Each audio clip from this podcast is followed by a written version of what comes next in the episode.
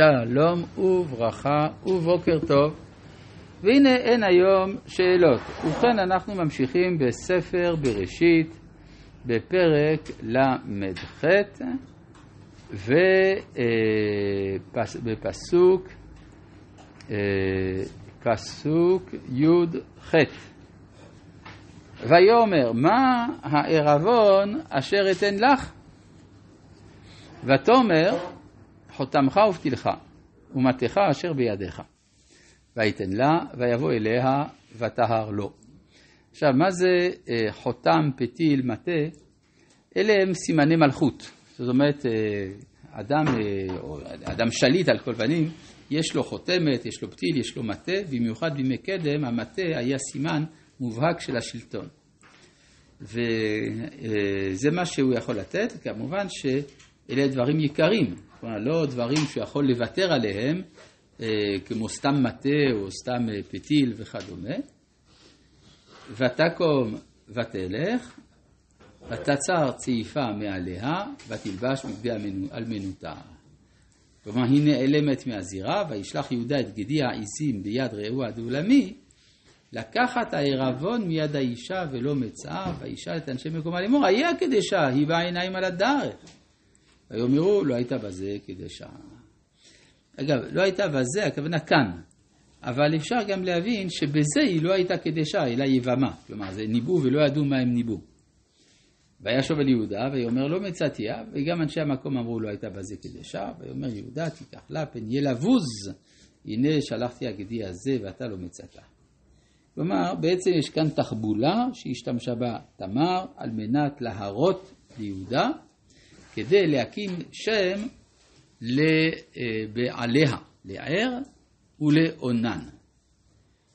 כן. מה פירוש העניין היא בעיניים על הדעת? העיניים זה מקום, ותשב בעיניים, כתוב שיכולים ליישב בעיניים. אז יש מקום שנקרא העיניים. או בגלל שזה מקום שימינו צופים, או בגלל שיש שם מעיינות.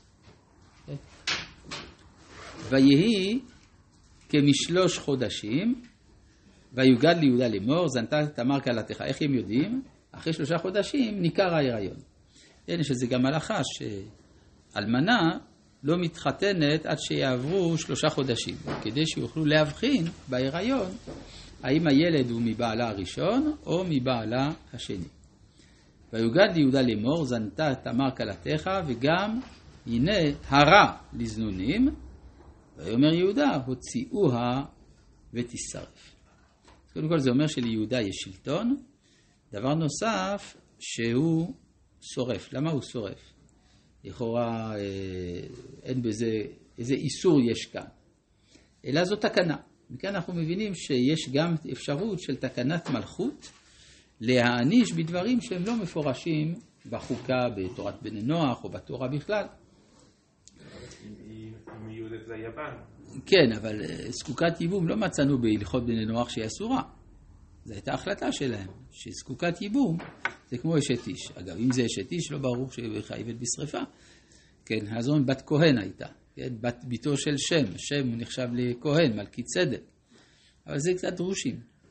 כן, יש, השאלה מה זה ותישרף. יש לרבי יהודה החסיד חידוש מעניין בנושא הזה, בימי, בימי הביניים היה מקובל שנשים שעשו דבר שמחייב אותם קלון, היו אה, אה, חותמים בהם בברזל חם איזשהו סימן של קלון, כדי שידעו שהיא זנתה או משהו כזה. אז הוא אומר, ותשרף לא להרוג אותה, אלא לעשות בה את הסימן הזה. טוב, זה, אין לזה שום הוכחה, אבל זכור שרב יהודה החסיד אומר את זה. היא מוצאת והיא שלחה אל חמיה לאמור, לאיש אשר אלה לו אנוכי הרע. ותאמר הקרנה למי החותמת והפתילים והמטה האלה.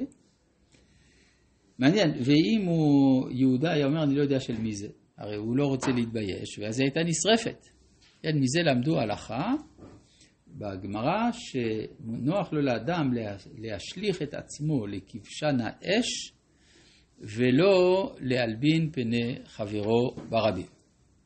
התוספות הבינו את ההלכה הזאת כפשוטה ממש, ולדעתם, אם באמת אדם נמצא בסיטואציה שאו שהוא ילבין פני חברו, או שיושלך לכבשן האש, צריך לבחור את כבשן האש.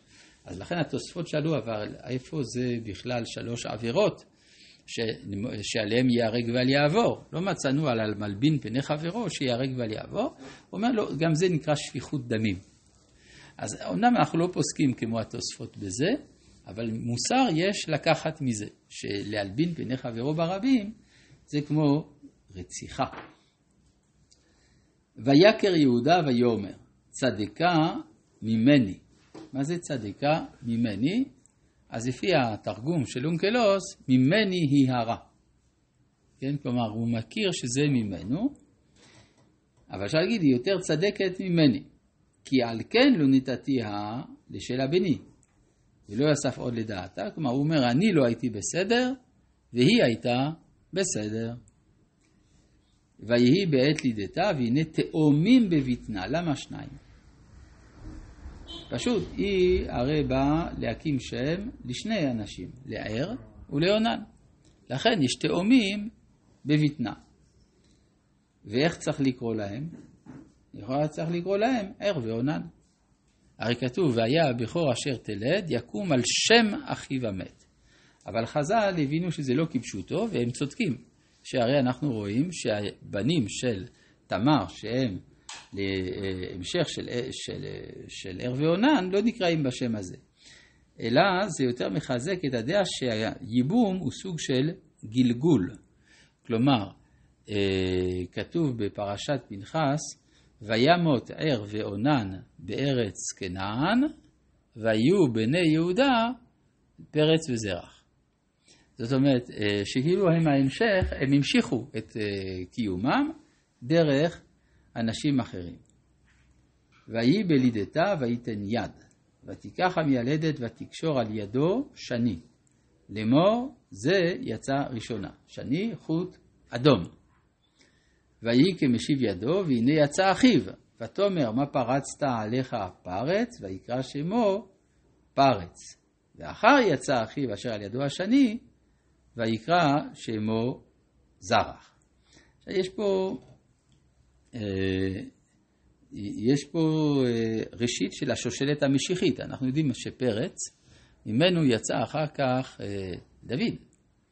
אז יש לנו איזשהו עיקרון כיצד מופיעה המשיחיות בעולם, היא מופיעה דרך פרצות.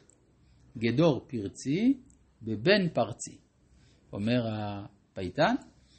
זאת אומרת שיש דברים שכל השושלת המשיחית עוברת דברים שנראים לכאורה שלא בסדר, ובסוף מתברר שזה היה בסדר גמור.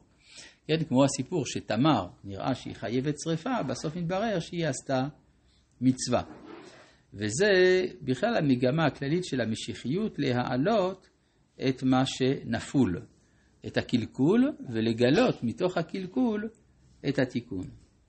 יש פה עוד איזה מישהו שלכאורה שכחנו אותו קצת, זה שלה. מה קורה עם שלה? אז שלה התחתן בסוף, הביא ילדים. הרי לשלה משפחת השלני. עכשיו, יש מסורת, צריך לברר מה המקור שלה, אבל יש מסורת כזאת, שרבנו סעדיה גאון היה מצאצאי שלה. אה, ורבנו סעדיה גאון גם היה המתנגד הראשי לאמונת הגלגול. מתנגד לגלגול. אפשר להבין למה. הרי הוא לא היה, הוא זה שהיה צריך לייבם ולא ייבם. אם הייבום זה היסוד של תורת הגלגול והוא לא היה בתוך זה, אז אין פלא שאצל שלה יוצא בסוף החכם שמתנגד לתורת הגלגול. יוצא לפי זה שיש לנו פה אמונה מאוד מיוחדת. זה אמונה של היהדות, אבל לא חייבים להאמין בזה. איך זה יכול להיות? אז זה בגלל שזה תלוי בשורש הנשמה. יש אדם שמצד שורש נשמתו מחובר לדברים האלה, ולכן שאר הגלגולים זה מדבר אליו וכולי, ויש מי שיש לו רתיעה מן הדבר הזה, ולכן, וזה מצד שורש נשמתו, שהוא לא שייך לרעיון של הגלגול. אז יש לפי זה אפשר להבין שאמונות הן גם תלויות בשורש הנשמה של האדם. יש גם בשם שלה, זה דומה למילה שילה, אחיה השילוני. יש רעיון של מציאות קדושה מחוץ לממסד. הממסד רואה את הקדושה במקדש בירושלים, אבל גם שילה, שילה זה לא ירושלים, אבל גם זה קדוש. ולכן כשהיה פירוד מירושלים, זה נעשה על ידי הנביא אחיה שילוני.